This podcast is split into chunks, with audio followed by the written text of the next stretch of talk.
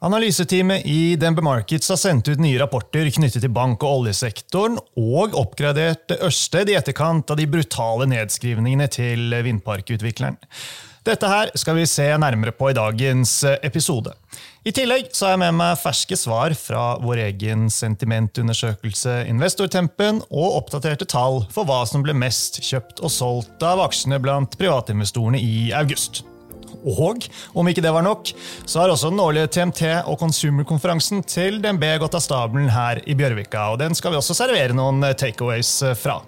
Det er med andre ord ganske mye på agendaen, men heldigvis så er Paul Harper tilbake i studio sammen med meg, så det er bare å fylle opp kaffekoppen og gjøre seg klar til å bli oppdatert på aksjemarkedet.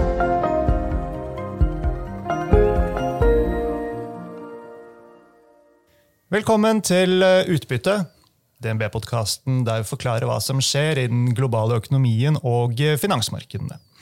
Jeg er Marius Brun Haugen, og med meg har jeg altså aksjestrateg Paul Harper. Hei, Paul. Hei, Marius.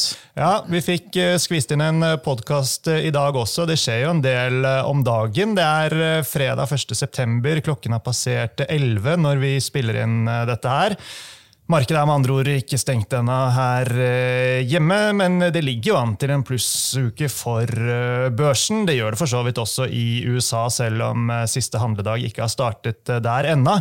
Og det har jo skjedd ganske mye spennende denne uken som vi skal komme tilbake til. Da. Men det er ny måned også, så det er jo greit å oppsummere august. Og det gikk relativt sidelengs for aksjer. OCBX-indeksen ved Oslo Børs var opp ja, nesten 1 og den er fortsatt dermed relativt uh, sidelengs, som vi har påpekt, om vi ser de siste knappe to årene. og Kursene er jo på historisk høye nivåer, så dette er ha en forsiktig tilnærming til aksjebildet, som du har tegnet for oss før, Pål. Det står seg fortsatt, gjør det ikke det? Ja, jeg syns det. Oslo Børs som du sier, litt opp i august, men egentlig det var den eneste av de børsene som vi, vi trekker som hadde en plussmåned. De andre nordiske indeksene var ned. SMP 500 var jo også litt ned. så Sånn sett så trakk Oslo litt i positiv retning, da godt hjulpet av oljeprisen, mens resten av markedet sleit litt med at rentene kom opp en del. Ja, status hittil i år er jo at Hovedindeksen ved Oslo Børs er opp nesten 6% SMP 500 17% og Nasdaq 100-indeksen opp 35 da, drevet av disse megacap-aksjene. En av de, Nvidia, som har fått mye oppmerksomhet i år pga. generativ AI. Nvidia fikk jo noe løft i forbindelse med kvartalsrapporten i forrige uke. Paul. Den hadde jo gått en del i forkant av aksjen, riktignok. Og så lurte litt på om det kunne være et salgssignal, men i starten av denne uken så gjorde jo Nvidia nye byks. Så historien med at megacap-aksjene stiger, ser ut til å fortsette. Ja, Det ser egentlig greit ut nå, men for en uke siden så syns jeg det så litt skummelt ut. For det er en av de klassiske signalene at hvis et aksje ikke klarer å reagere positivt på positive nyheter, da tyder det på at liksom den siste kjøperen har kjøpt allerede. Og Det var nettopp litt sånn det så ut forrige uke. Da, at det åpnet opp mye sånn, i sånn pre-market trading, men stengte ja, omtrent flatt. Det var kanskje ned 0,1% hvis jeg husker riktig. Og heller ikke noe særlig endring fredag, så var det også litt tungt. Så Da så det liksom litt ut som det var en sånn klassisk buy the room and sell the fact-scenario. Men det har kommet seg nå denne uken, så det er fortsatt ser ut i hvert fall, til å være litt liv i det caset.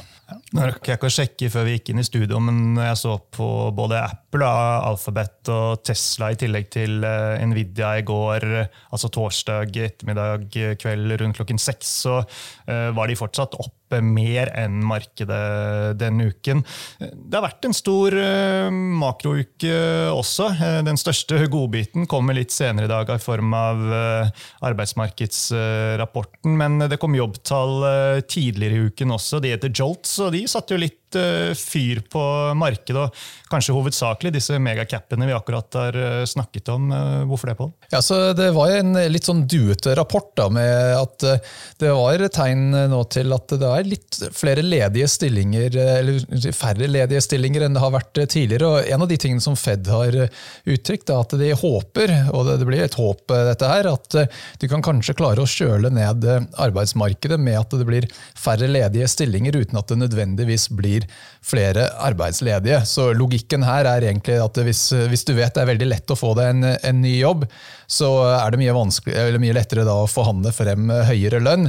Hvis du ser at det er færre ledige stillinger, da er det kanskje litt eh, mer sannsynlig at du blir eh, sittende der du er eh, istedenfor. Så håpet er at dette er noe som kan være en indikasjon på at lønnspressen begynner å bli litt mindre. Et annet tall som også kom i den samme rapporten, er det de kaller quits rate. Da, Det er folk som eh, sier opp eh, frivillig. og Det var også noe ned, så begge de indikatorene da peker i retning av at det kanskje ikke er like stramt nå som det har vært tidligere. Men det er veldig viktig å følge med på spesielt lønnsveksten fremover, for det er liksom den, den viktigste underliggende faktoren når det gjelder langsiktig inflasjon. Amerikansk tiårsrenten på 4,1 når vi gikk inn her. Litt ned fra de eh, toppene vi så i forrige uke og uken før der.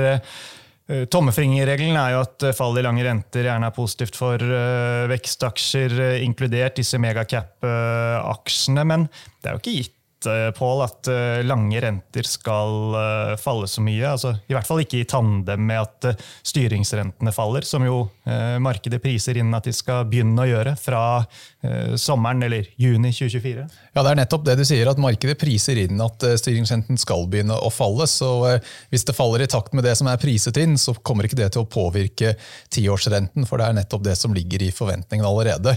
Men noe som jeg tror er viktig å huske her, når du ser på liksom det absolutt nivået nivå på tiårsrenten, så syns jeg det er langt fra åpenbart at eh, de er eh, egentlig gått for mye opp. Eh, jeg tror Det er åpenbart høyere, men jeg vil ikke si at det nødvendigvis er for høyt.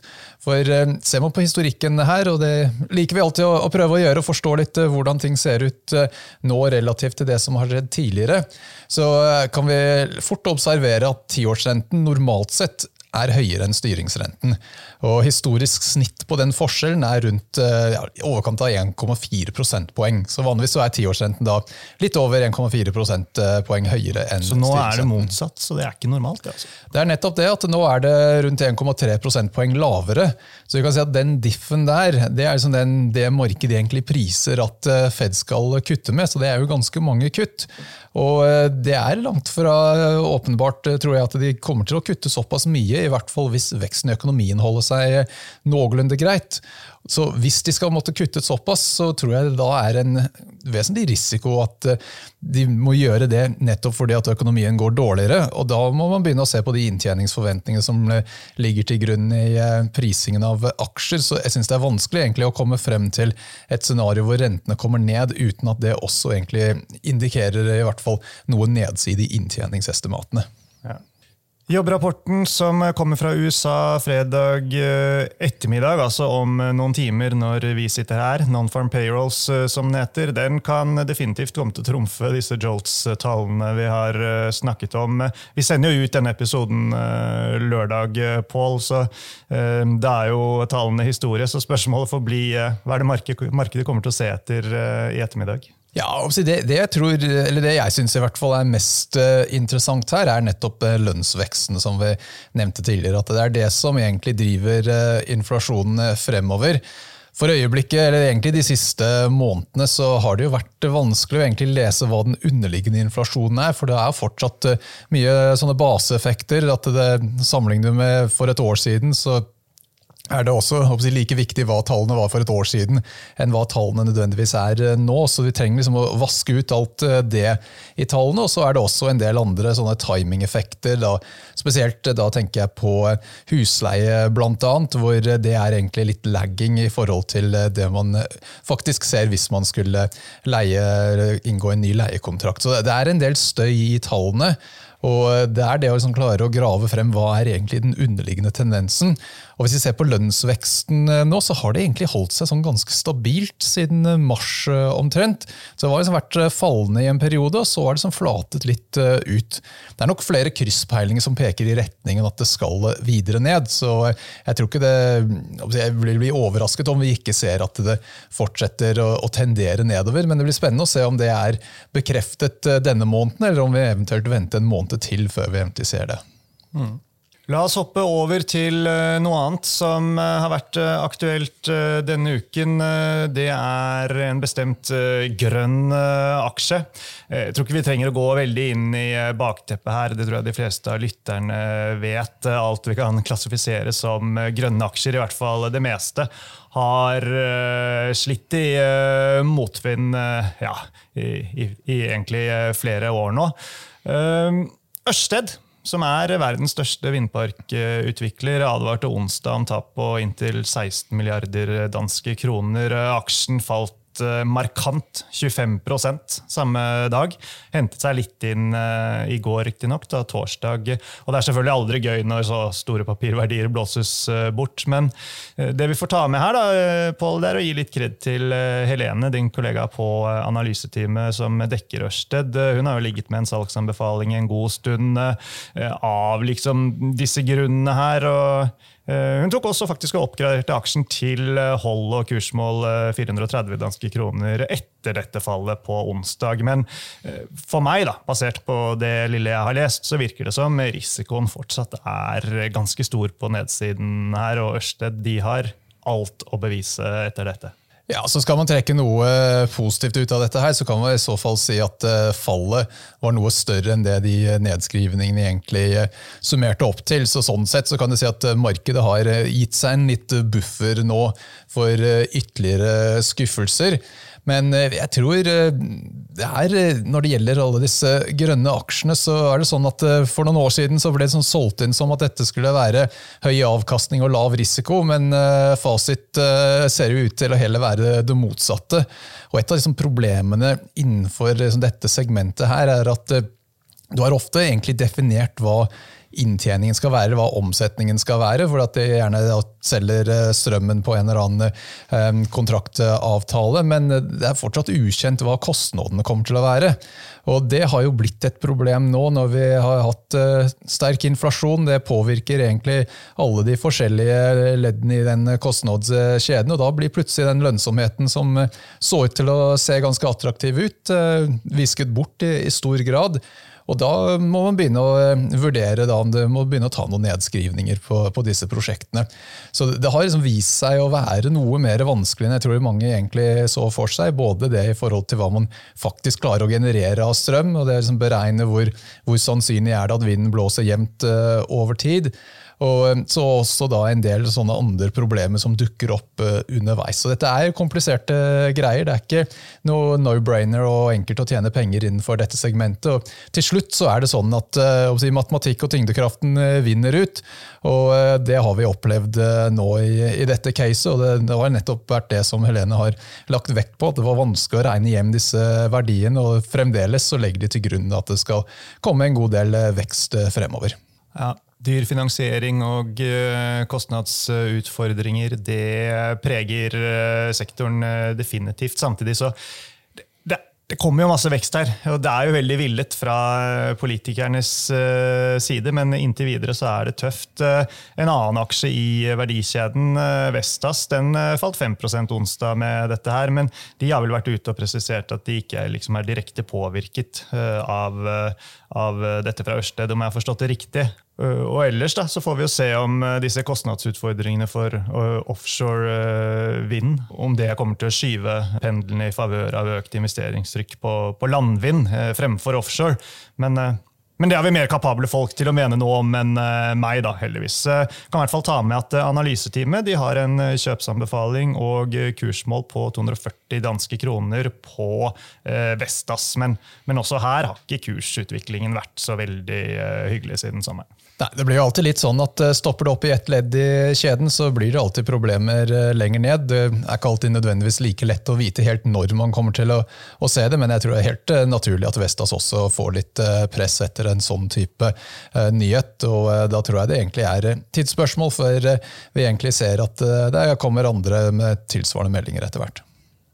Over til uh, Investortempen, som er uh, vår egen uh, spørreundersøkelse blant våre private aksjeinvestorer. Og den eh, viser nå et eh, mer Vi har fått inn ferske tall her. Og den viser nå et mer eh, balansert forhold mellom antallet personer som er optimistiske, og de som er negative til avkastningsmulighetene i aksjemarkedet neste tolv måneder. Før så var det et mye mer markert flertall av optimister. Men dette har utjevnet seg litt sakte, men sikkert, og nå er det altså ganske likt.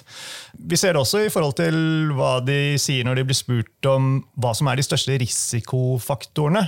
Eh, før så var det soleklart flertall på inflasjon. Vi gir en del forskjellige valgmuligheter, men, men, nå er det mer sånn fordelt utover eh, det og høyere renter, fall i selskapenes inntjening, eh, sentiment osv. Etter din mening, Pål, det er vel inntjeningen til selskapene der risikoen er, er størst nå, kanskje? Ja, det syns jeg er uh, rimelig å si at uh, det er uh, alltid liksom, vanskelig å si helt nøyaktig hva som kommer til å være Alt henger sammen med alt, da. Det er nettopp det, og det var egentlig det jeg hadde tenkt å, nevne her. at det, er helt logisk kan du si at Hvis man blir, er mindre bekymret for inflasjon, så skal man være mer bekymret for inntjeningen. For inflasjon er jo at selskapene setter prisen opp. Hvis de ikke har evne til å sette prisen opp like fort som tidligere, da merker man det på bunnlinjen. Og det som jeg synes også er verdt å huske her, er at til tross for at makro har vært mye bedre enn antatt eh, første halvdel av året, så har likevel analytikerne måttet kutte estimatene. Så hvis vi nå går inn i andre halvdel av året da med litt lavere inflasjon, med andre ord litt mindre medvind eh, enn det har vært eh, tidligere, da er det langt fra åpenbart at det blir så enkelt å nå estimatene. Og jeg tror, hvis jeg er ganske sikker på at estimatene skal videre ned, hvis jeg bommer på det, så vil jeg tro at da bommer jeg enten fordi at inflasjonen viser seg å få en ny runde opp, og da har vi et problem når det gjelder renter. Eller eventuelt bare at økonomien går såpass eh, sterkt at eh, da kommer det i hvert fall ikke de rentekuttene som jeg tror mange håper. Og det er den kombinasjonen renter og inntjening som har plaget markedet hele året og har egentlig vært hovedtesen vår. At markedet implisitt priser inn at inntjeningsestimatene skal opp og rente skal ned. Det vi har sett hittil i år er det motsatte. Estimater går ned og rente går opp. og Det er veldig vanskelig å klare å lage noe scenario hvor du egentlig ser oppgang i estimater og nedgang i renter. Mm. Ellers eh, på spørsmål om eh, hvilke aksjer de eh, vil anbefale fremover, så er det energisektoren, altså aksjene i energisektoren som fortsatt blir trukket fram som det klart mest populære. Og jeg har akkurat sittet i dag morges og sett på status for hva som ble mest kjøpt og solgt i august måned. Og her er det det samme. Det er fem av de topp ti mest handlede aksjene. De er i energisektoren. Og så er det litt shipping, og så er det Norwegian som vi skal straks snakke mer om. Men dette med energiaksjer det har jo stått seg hele år, Pål. Vi har snakket om det flere ganger, så vi behøver vel ikke å gjenta for mye om hva skal vi si, det caset. da, At det gir mening å se på, på sektoren. Ja, jeg skal ikke si jeg er noe uenig med den uh, konklusjonen der. Vi synes Det er en av de sektorene som fortsatt ser sånn noenlunde attraktiv eh, priset ut. Jeg synes mye ser uh, ganske dyrt, men energi er et unntak. Oljeprisanslaget til Helge, som er vår oljeprisekspert, tror at den skal opp til sånn lavt på 90-tallet i Q4. Så med andre ord noe oppside i oljeprisen også. Og da er det liksom vanskelig å se at energi skal gjøre det så dårlig hvis vi treffer på det oljeprisanslaget. Ja, og oppside i forhold til hva som er priset inn av uh, markedet i forhold til oljepris også, er det ikke det? Ja, jeg tror konsensus ligger et eller annet sted på, på 80-tallet der for uh, Q4. Så uh, treffer vi, så skal estimatene da kanskje litt opp også der. Ja. Men Norwegian der var det ingen over, eh, ingen ved siden. Det var både den mest eh, tradede aksjen, og det var også den aksjen som ble klart mest eh, netto kjøpt av kundene våre i august. Dette er altså på aggregert basis, presisere det. Vi slår sammen alt, rubbel og bit. Norwegian var litt svak i august, Pål. Noen tanker? Ja, de, Ned 10 de, Ja, de har jo skuffet litt på kostnadssiden her, i den eh, rapporten de kom med nå nylig. og noe av det kan du si er eh, oljeprisoppgangen. Det slår jo positivt på veldig mye på Oslo Børs, men ikke på Norwegian, hvor eh, drivstoff er jo en viktig kostnadsfaktor. Men jeg tror det er nettopp det at vi har hatt en, mye positive meldinger om at det er bra etterspørsel, men når kostnadene skuffer også, så, så blir det ikke så voldsomt mye muligheter til å justere inntjeningsestimatene opp. Og så ser man litt lenger fremover eh, i tid, som er noe som jeg har kanskje vært litt, eh, litt mer bekymret eh, for også, er det at åpenbart er det mange som har valgt å, å ta seg en, en, velfortjent sommerferie, men det er ikke sikkert at det er like mange som har penger til overs til å ta seg en utenlandstur til høstferien og eventuelt juleferie osv. Så, videre. så så Sånn sett så tror jeg vi nå kommer til å ha en periode hvor etterspørselen er noe svakere enn det har vært tidligere. Og Da blir det jo sånn spennende å se om eh, Norwegian eventuelt klarer å ta markedsandeler og holde, holde fyllingsgraden eh, høyt i flyene, eller om de også kommer til å merke noe nedgang der òg. Ja. Neste datapunkt det er eh, de månedlige trafikktallene som kommer i neste uke. Ja, det har vært uh, mange rapporter uh, denne uken, i tillegg til andre begivenheter. Uh, Pål, et av de er den årlige oljeservice-rapporten som kommer fra analysteamet her på huset. En undersøkelse om hvor store oljeselskapenes investeringsbudsjetter ser ut til å bli. Har du rukket å se på rapporten, Pål? Jeg må innrømme, jeg har ikke lest hele, men jeg har tatt en liten titt gjennom overskriftene. i hvert fall. Så Viktigste punktet tror jeg jeg har fått med meg. Ja, Du får bare oppdatere oss. da. Ja, så jeg, jeg, tror egentlig Det jeg syns var mest interessant her, var det at de kommer frem til at de tror sektoren og utviklinga kommer til å være litt mindre boom and bust enn det det har vært tidligere.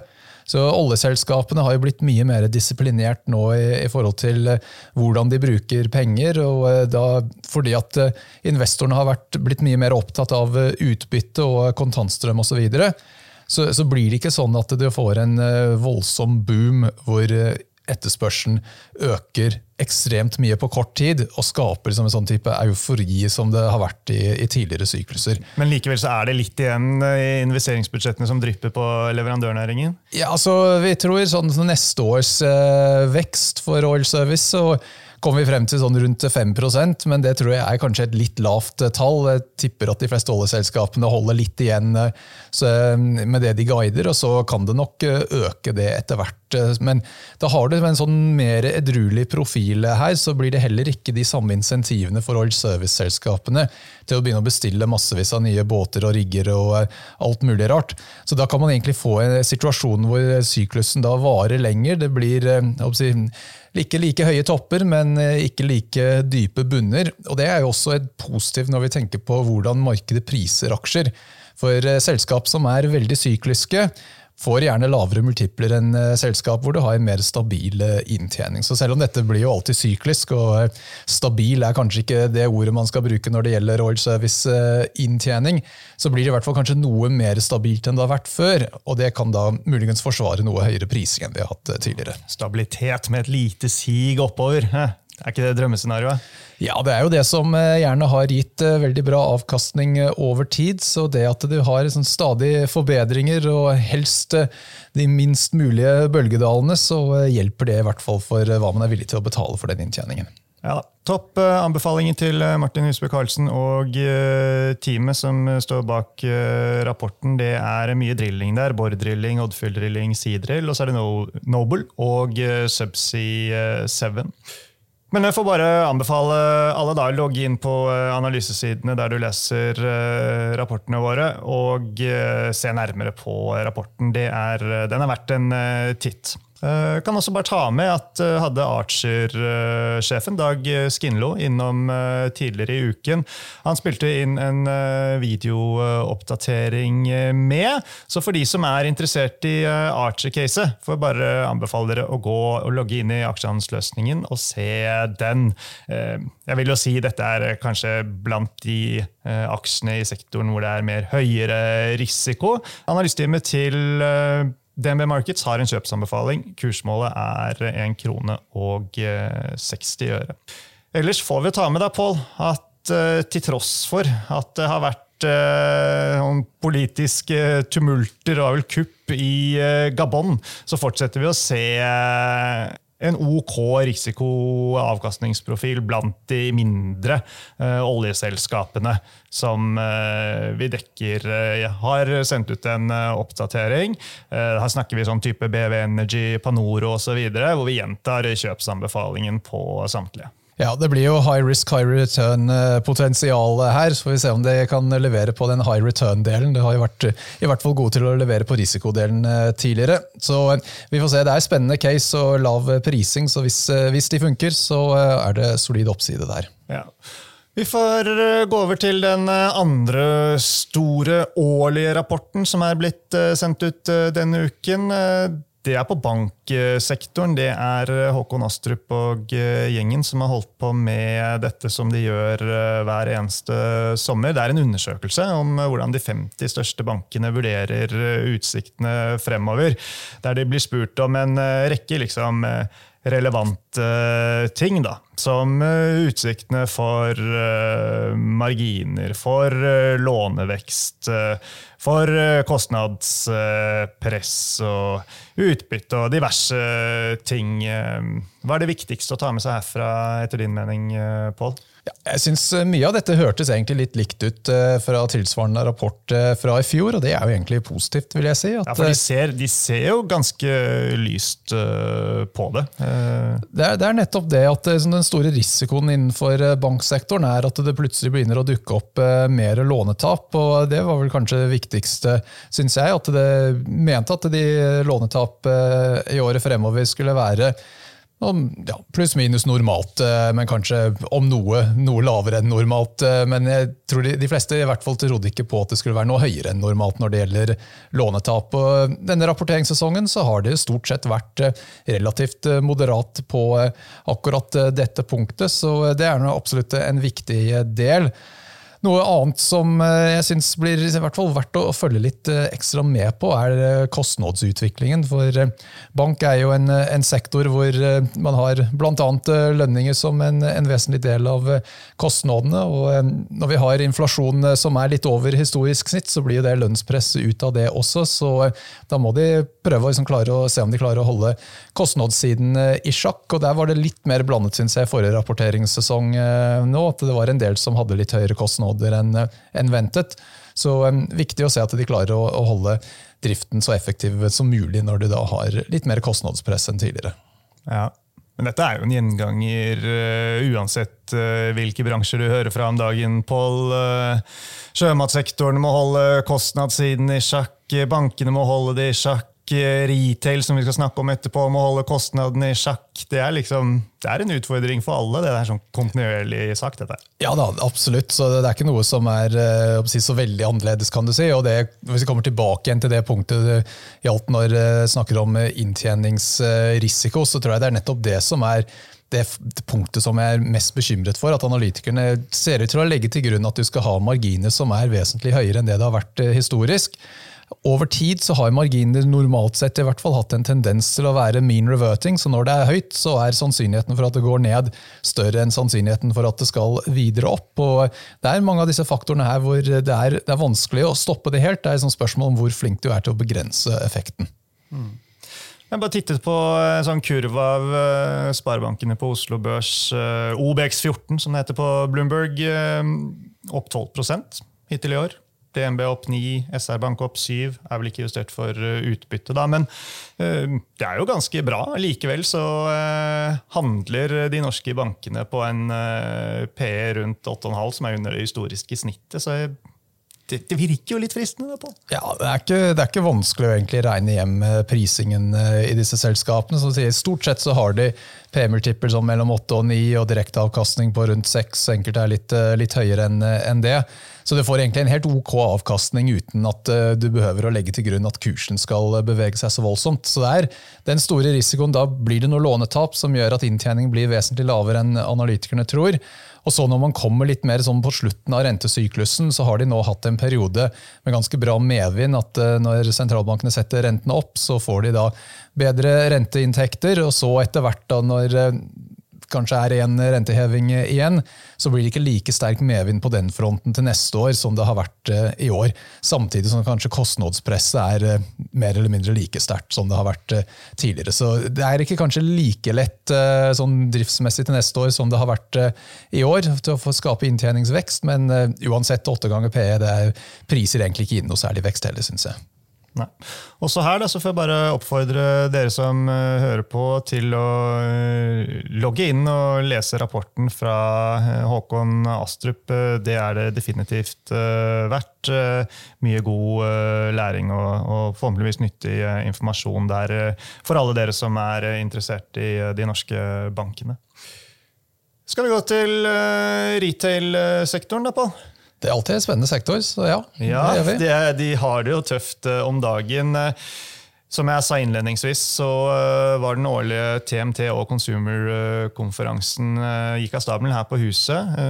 Det gjorde den på onsdag og torsdag.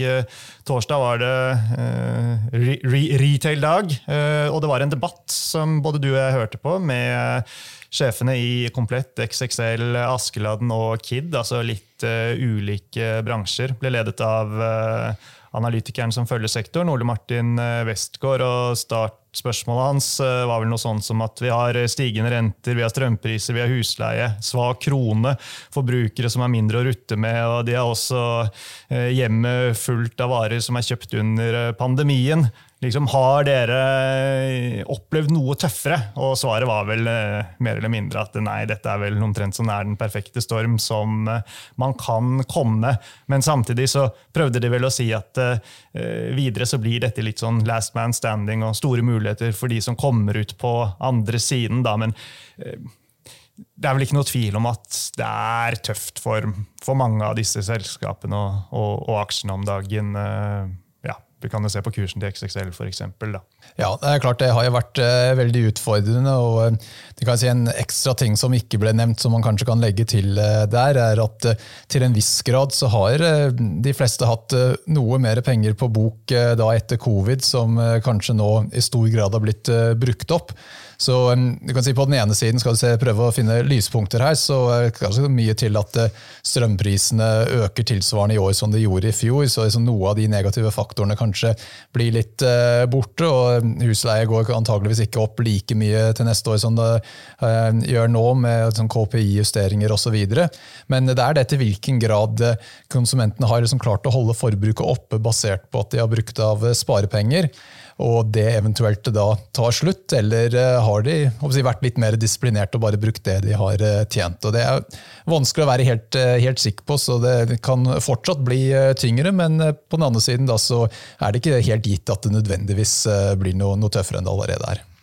Nei da. Men uh, at man bør sette seg godt inn i hvert enkelt uh, case her, det er vel uh, det er vel greit å ha i bakhodet, men, men sånn er det jo som regel. Da. Ja, Det er jo alltid tilfellet med alle, alle, investeringer, at du må forstå hva det er du egentlig eh, investerer eh, i. Og denne sektoren, eh, når den har vært under mye press, på et eller annet tidspunkt så kommer dette til å være veldig spennende.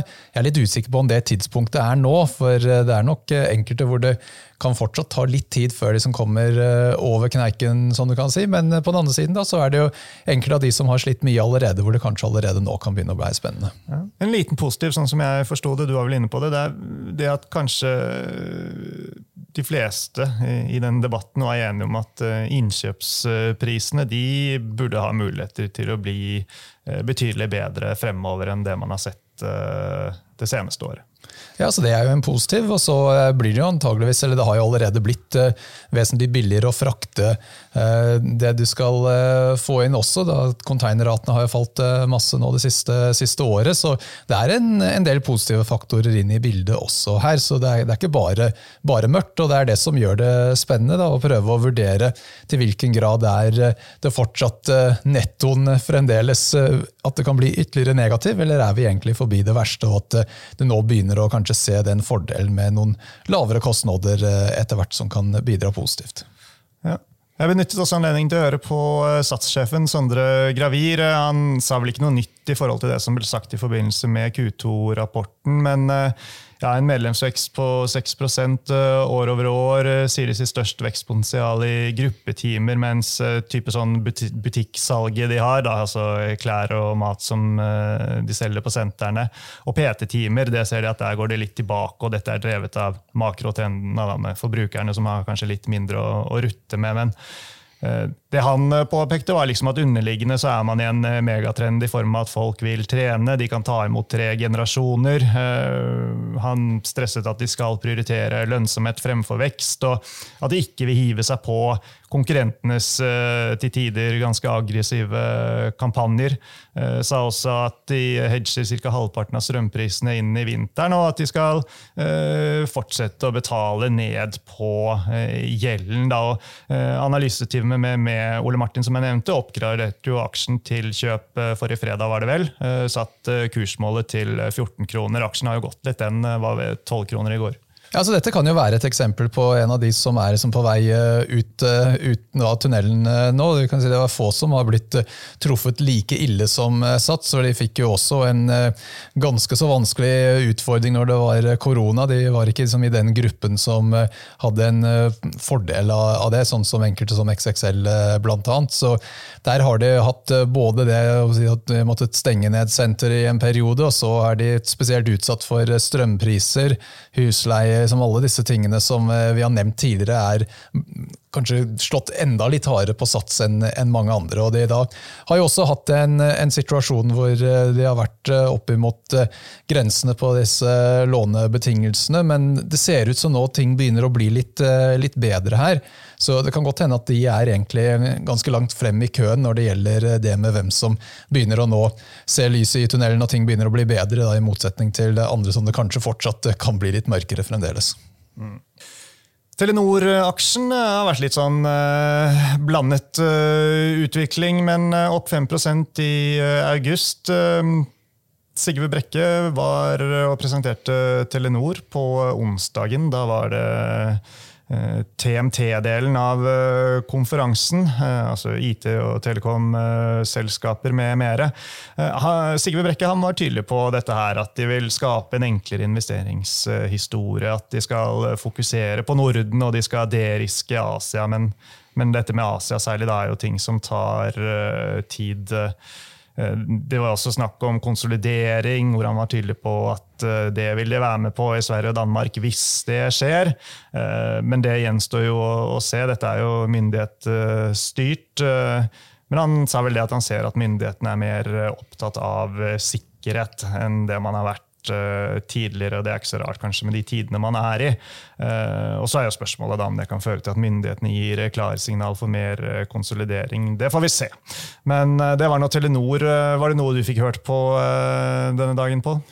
Ja, så Jeg var innom uh, Telenor, det var vel egentlig det jeg rakk. for uh, Jeg synes ofte i disse konferansene det som er mest nyttig å høre på, er de mer sånne debatt- og uh, type intervjuaktige seansene, heller enn der hvor selskapet presenterer fra en powerpoint. for da de powerpoint-presentasjonene blir ofte litt sånn at det er veldig likt det de rapporterer på kvartalstallene. Men hvis det er litt mer sånn unscripted, så, så, er det iblant man får litt, litt bedre liksom, følelse for nyansene rundt det. Så Telenor var faktisk den, det jeg prioriterte den, den dagen. og Den oppsummering du kom med, syns jeg egentlig dekker det meste. At de, de, gjør, de har de riktige, riktige planene, tror jeg, med å prøve å forenkle business-caset der. og prøve å være med på konsolidering, men som du sier, så er ikke det egentlig innenfor deres kontroll, eh, alt dette. Det er ting hvor eh, myndighetene og regulatorene og så videre, de skal eh, ha sitt inn i den diskusjonen. Så de, de gjør de riktige tingene, men det er ikke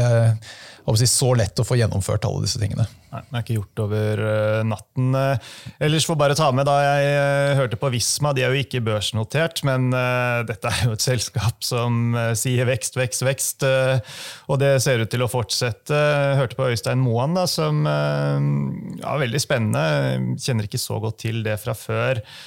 de vokser både organisk og gjennom oppkjøp. De kjøper altså mer enn 40 40 selskaper i uh, året, Pål. Det er jo omtrent et nytt oppkjøp uh, hver eneste helg. Det er jo ganske heftig.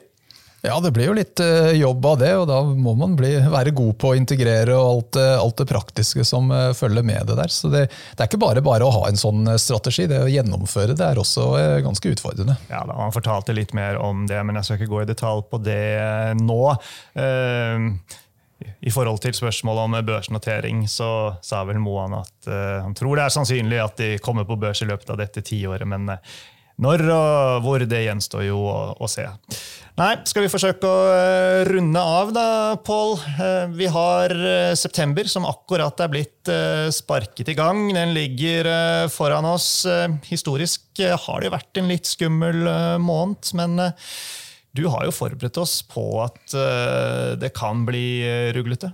Ja, altså Høsten er eh, som regel eh, eh, høyere risiko for sånne type ting å skje enn kanskje resten av, av året. Det er en, en viss sesongmønstre på børsen over tid, og da er det denne perioden en av de som er, har i hvert fall vært historisk litt mer skummelt enn en andre perioder. Så ja, det, det, er jo alltid litt sånn, Man skal ikke legge altfor mye vekt på sånne type sesongfaktorer. Skal man prøve å plukke frem noe positivt nå, så ser vi at rentene har kanskje toppet ut litt, i hvert fall midlertidig. så Det liksom ga en noenlunde ok slutt på måneden. Altså selv om august i det hele tatt var en litt, uh, litt slapt for de fleste, så er sånn exit-tempoen ut av august ikke så, så helt uh, gæren.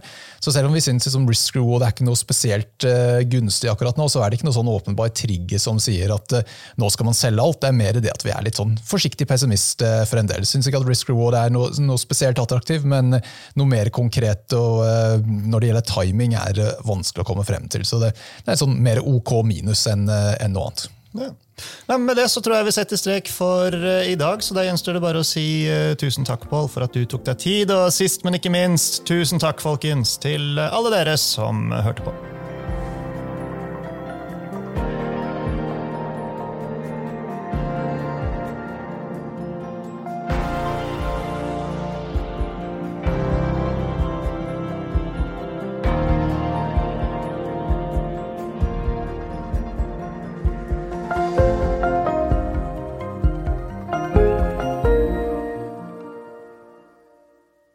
Denne sendingen ble publisert i podkasten Utbytte.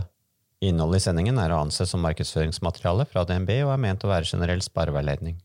Sendingen skal ikke oppfattes som et tilbud om å kjøpe eller selge finansielle instrumenter, eller som investeringsrådgivning tilpasset den enkelte investors situasjon. En investor som har behov for råd eller har spørsmål og informasjon som gis, bør kontakte en finansrådgiver. DNB påtar seg ikke noe ansvar verken for direkte eller indirekte tap som følge av innholdet i sendingen legges til grunn for eventuelle investeringsbeslutninger. Husk at historisk avkastning aldri er noe garanti for fremtidig avkastning. Avkastningen kan bli negativ som følge av kurstap. Bruk av prognoser for å beregne fremtidig avkastning er heller ingen garanti for fremtidig avkastning. Innholdet i sendingen bygger på informasjon fra offentlig tilgjengelige kilder som DNB ser på som pålitelige, men som ikke er uavhengig verifisert. Følgelig gir DNB ingen garanti i forhold til nøyaktighet og fullstendighet. Alle uttalelser her reflekterer DNBs, den enkelte ansatte, eller andre tredjeparts vurderinger på tidspunktet for den aktuelle sendingen, og kan i ettertid endres uten nærmere beskjed. Ytterligere informasjon om bl.a. kildebruk og interessekonflikter er tilgjengelig på dnb.no skråstrek invest, bindestrek disclaimer.